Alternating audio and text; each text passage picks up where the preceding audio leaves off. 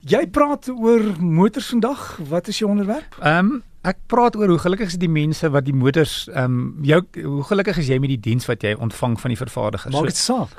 Ek dink nogal so want um, ek kry baie mense wat vir my vra hoorie watse kar moet ek koop? Wat is die beste kar? En dis so moeilik want ek dink al die vervaardigers werk baie hard om seker te maak hulle karre is goed. En hulle werk hard om seker te maak hulle hulle diens is goed. So op die einde van die dag wie is nou regtig die een wat om te sê hierdie voertuig is die beste of hierdie voertuig is die beste of hierdie diens is die beste? Nou as 'n aanduiding kan ons sê Ipsos um, is 'n maatskappy wat um, uh, onafhanklik laas jaar die hele verlede jaar vir die mense gevra het hoe gelukkig is jy met jou kar of jou vervaardiger se diens. So hulle het gekyk na 10 dae. Ehm um, ek gaan gou kyk hoeveel dae was dit? 10 dae, 35 dae en 90 dae nadat jy jou voertuig verkoop het en mm -hmm. ook die diensondervinding. Met ander woorde, hulle bel jou en sê jy het nou jou kar vir 90 dae. Hoe gelukkig is jy so ver met die diens? En is daar enige probleme met jou nuwe kar? Want dit kan gebeur gebeur dat jy 'n splinter nuwe kar het, maar die vervaardiger het vergeet om sekere toetse te doen of hulle het nie ehm um, daar sekere goedjies wat wat wat nou begin krap na 90. Dit kan regtig gebeur met nuwe karre. En dan ook nog 'n belangrike een is, hoe gelukkig is jy met die diens? Ehm um, en dis nogal 'n baie maal 'n groot ehm um, frustrasie vir mense is die diens Ehm um, as ons opleiding doen gewoonlik vir verkoopsmense sê ons jy verkoop die eerste kar en die werkswinkel verkoop jou tweede en die derde kar want as die mense ongelukkig is met die diens van die werkswinkel dan kan jy maar weet hulle gaan elders anders heen gaan.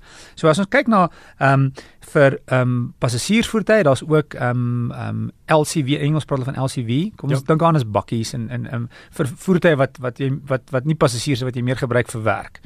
Ehm um, So as ons kyk na passasiersvoertuie die ehm um, die goue ehm um, toekenning vir die beste diens is Audi, Nissan en Volkswagen. Ehm um, hulle is die, die beste vir as jy ehm um, tussen die 10, 35 en 90 dae vandat jy voertuig gekoop het.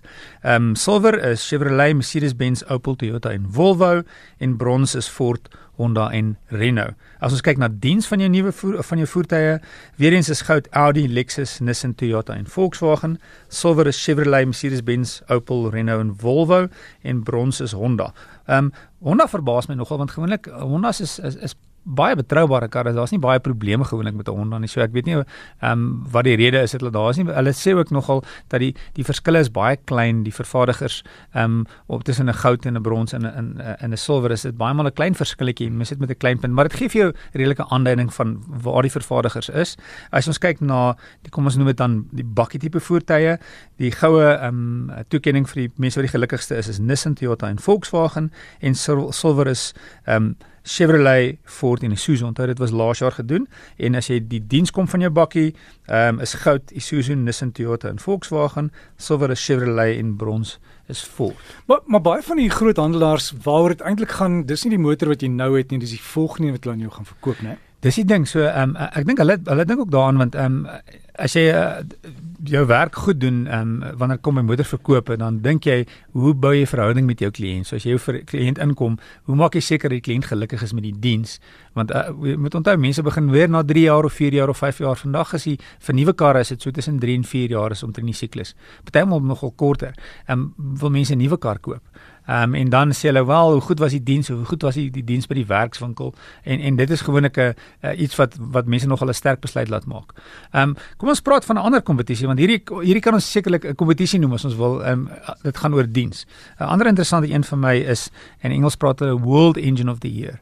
So uh, nou hoe dit werk is, ehm um, die die hulle kyk net na die engine, nie met ander woorde na die res van die voertuig nie, ehm um, na ehm um, die die die kraglewering van die engine en daai ehm um, grootte die um, brandstofverbruik, die betroubaarheid. So daar's nogal redelike paar ehm um, goeder wat aan ag geneem word en dis internasionaal. So dit is nou uh, alle vervaardigers in die wêreld word ehm um, oorweeg daarvoor en dan het hulle ook verskillende kategorieë. Hulle het 1 liter tot 1.5.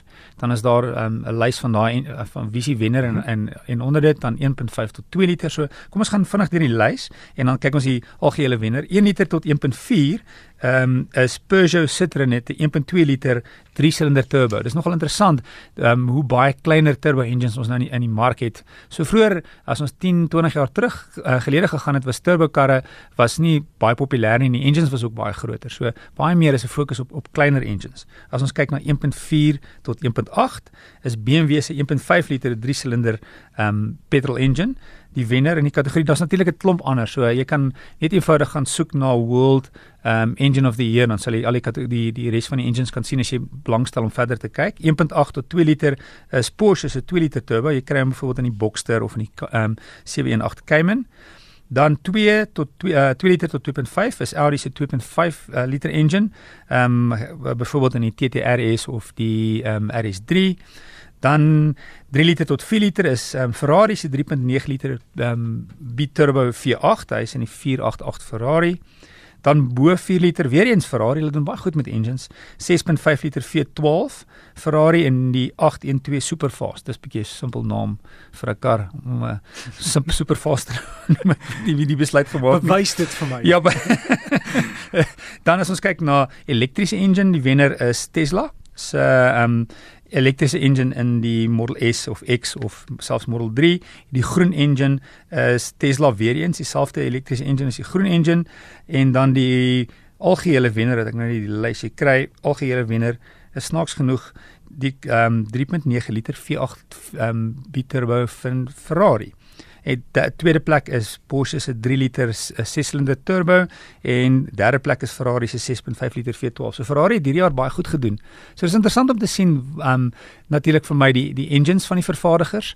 Um weer eens is dit nie dit is 'n kompetisie, dit beteken nie dit is nou die res is nie goed nie, maar dit gee vir jou gewoonlik 'n aanduiding hoeveel geld en energie en tyd um in Engels praat hulle van research and development word ingeplaas in die engine. So dit gee vir jou goeie aanduiding. As jy belangstel ook kan jy kyk gerus na World Car of the Year. Dit was bietjie vroeër vanjaar besluit en um World Car of the Year was Volvo se XC60. So daar's altyd sulke daar's ook South African Car of the Year. Dit sê nie noodwendig iets nie, maar dit kan ook vir jou aanleiding gee van van waar vervaardigers. Ek dink daar's baie prestige daaraan verbonde, maar dit gee ah. ook vir jou as jy besluit watter motor om te koop, bietjie gemoedsrus om te weet, kyk, daar's ouens wat motors ken wat besluit het hierdie kar is goed. Dis reg en ek hou veral daarvan wanneer dit ehm um, wanneer dit iets is wat dit nie ehm um, ehm um, dit is internasionaal met ander woorde deur die hele wêreld stem ehm um, die motorjoernaliste en sê dis wat ons stem in Suid-Afrika, dis wat ons stem.